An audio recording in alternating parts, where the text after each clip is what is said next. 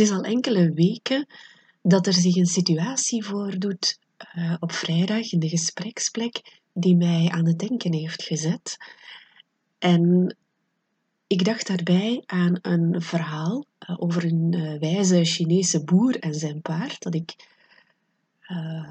ooit gehoord heb en dat ik regelmatig nog eens terugluister.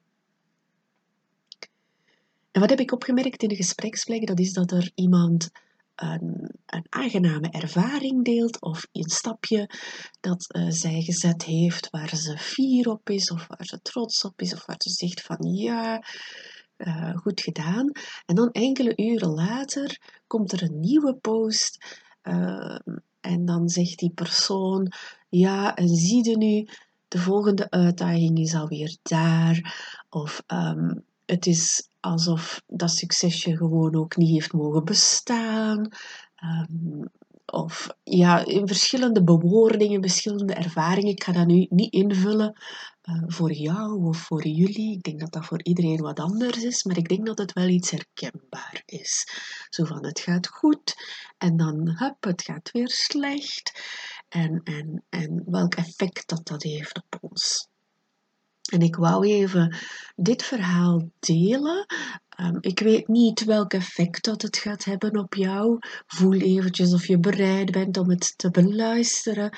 Um, en als het jou gedachten geeft of het doet iets met jou, um, ja, je mag dat altijd delen met mij. Ik ben heel benieuwd naar wat jij uit dat verhaal haalt, uh, dat mogelijk uh, helpend kan zijn voor, voor jou en jouw leven. Dit verhaal gaat over een wijze Chinese boer en zijn paard. In China woonde een oude wijze boer en alles wat hij bezat was zijn huis, zijn zoon en zijn paard.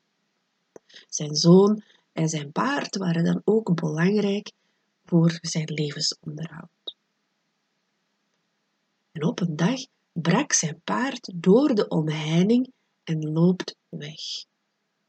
De buurman van de boer komt langs en zegt: Ik vind het zo erg voor jou dat jouw paard is weggelopen. Wat een ramp. Hoe ga je nu het veld kunnen, uh, op het veld kunnen werken? En allee, zo erg. En daarop zegt de boer: Ik weet het niet. Wie weet of dat goed of slecht is. De buurman is in de war. Want ja, hij vindt dit duidelijk wel slecht nieuws. Het paard was het meest waardevolle dat de boer bezat.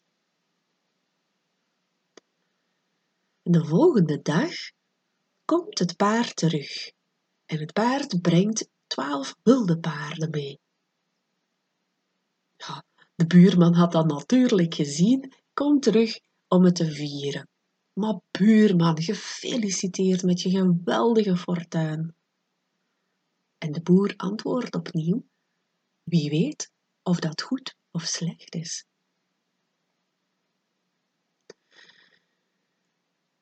En een van de volgende dagen is de zoon bezig met uh, een van de wilde paarden. De zoon van de boer wil het paard temmen. En terwijl dat hij bezig is met het paard te temmen en hij zit op dat paard, wordt hij geworpen, valt hij op de grond en breekt hij zijn been. Ja. Ik denk dat het een gepensioneerde buurman is, want die komt weer langs, heeft tijd en zegt, ja, die heeft dat gezien dat de boer zijn zoon van het paard is gevallen en zijn been heeft gebroken. Het spijt me van je zoon zegt de buurman, wat erg. En weer zegt de boer, maar wie weet of dat goed of slecht is. En de volgende dag komt het leger naar het dorp van de boer. Het leger is bezig met alle jonge mannen te recruteren.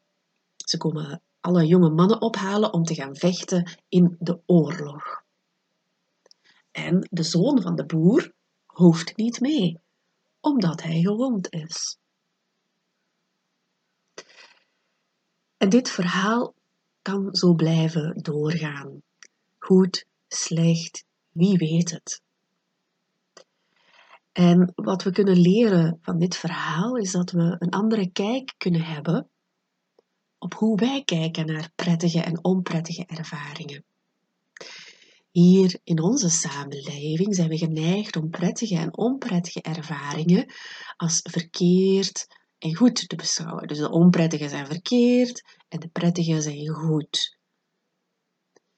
En het is een tweedeling die eigenlijk ja, niet realistisch is en niet past bij, bij de realiteit van het leven. Een ervaring kan hooguit prettig of onprettig zijn, aangenaam, onaangenaam, maar daarom niet goed of verkeerd. En door die tweedeling los te laten van goed of fout of verkeerd, of zo moet het en zo moet het niet, leren we het leven aanvaarden zoals het zich ontvouwt, vanuit een bepaalde gelijkmoedigheid. Is zoals het is.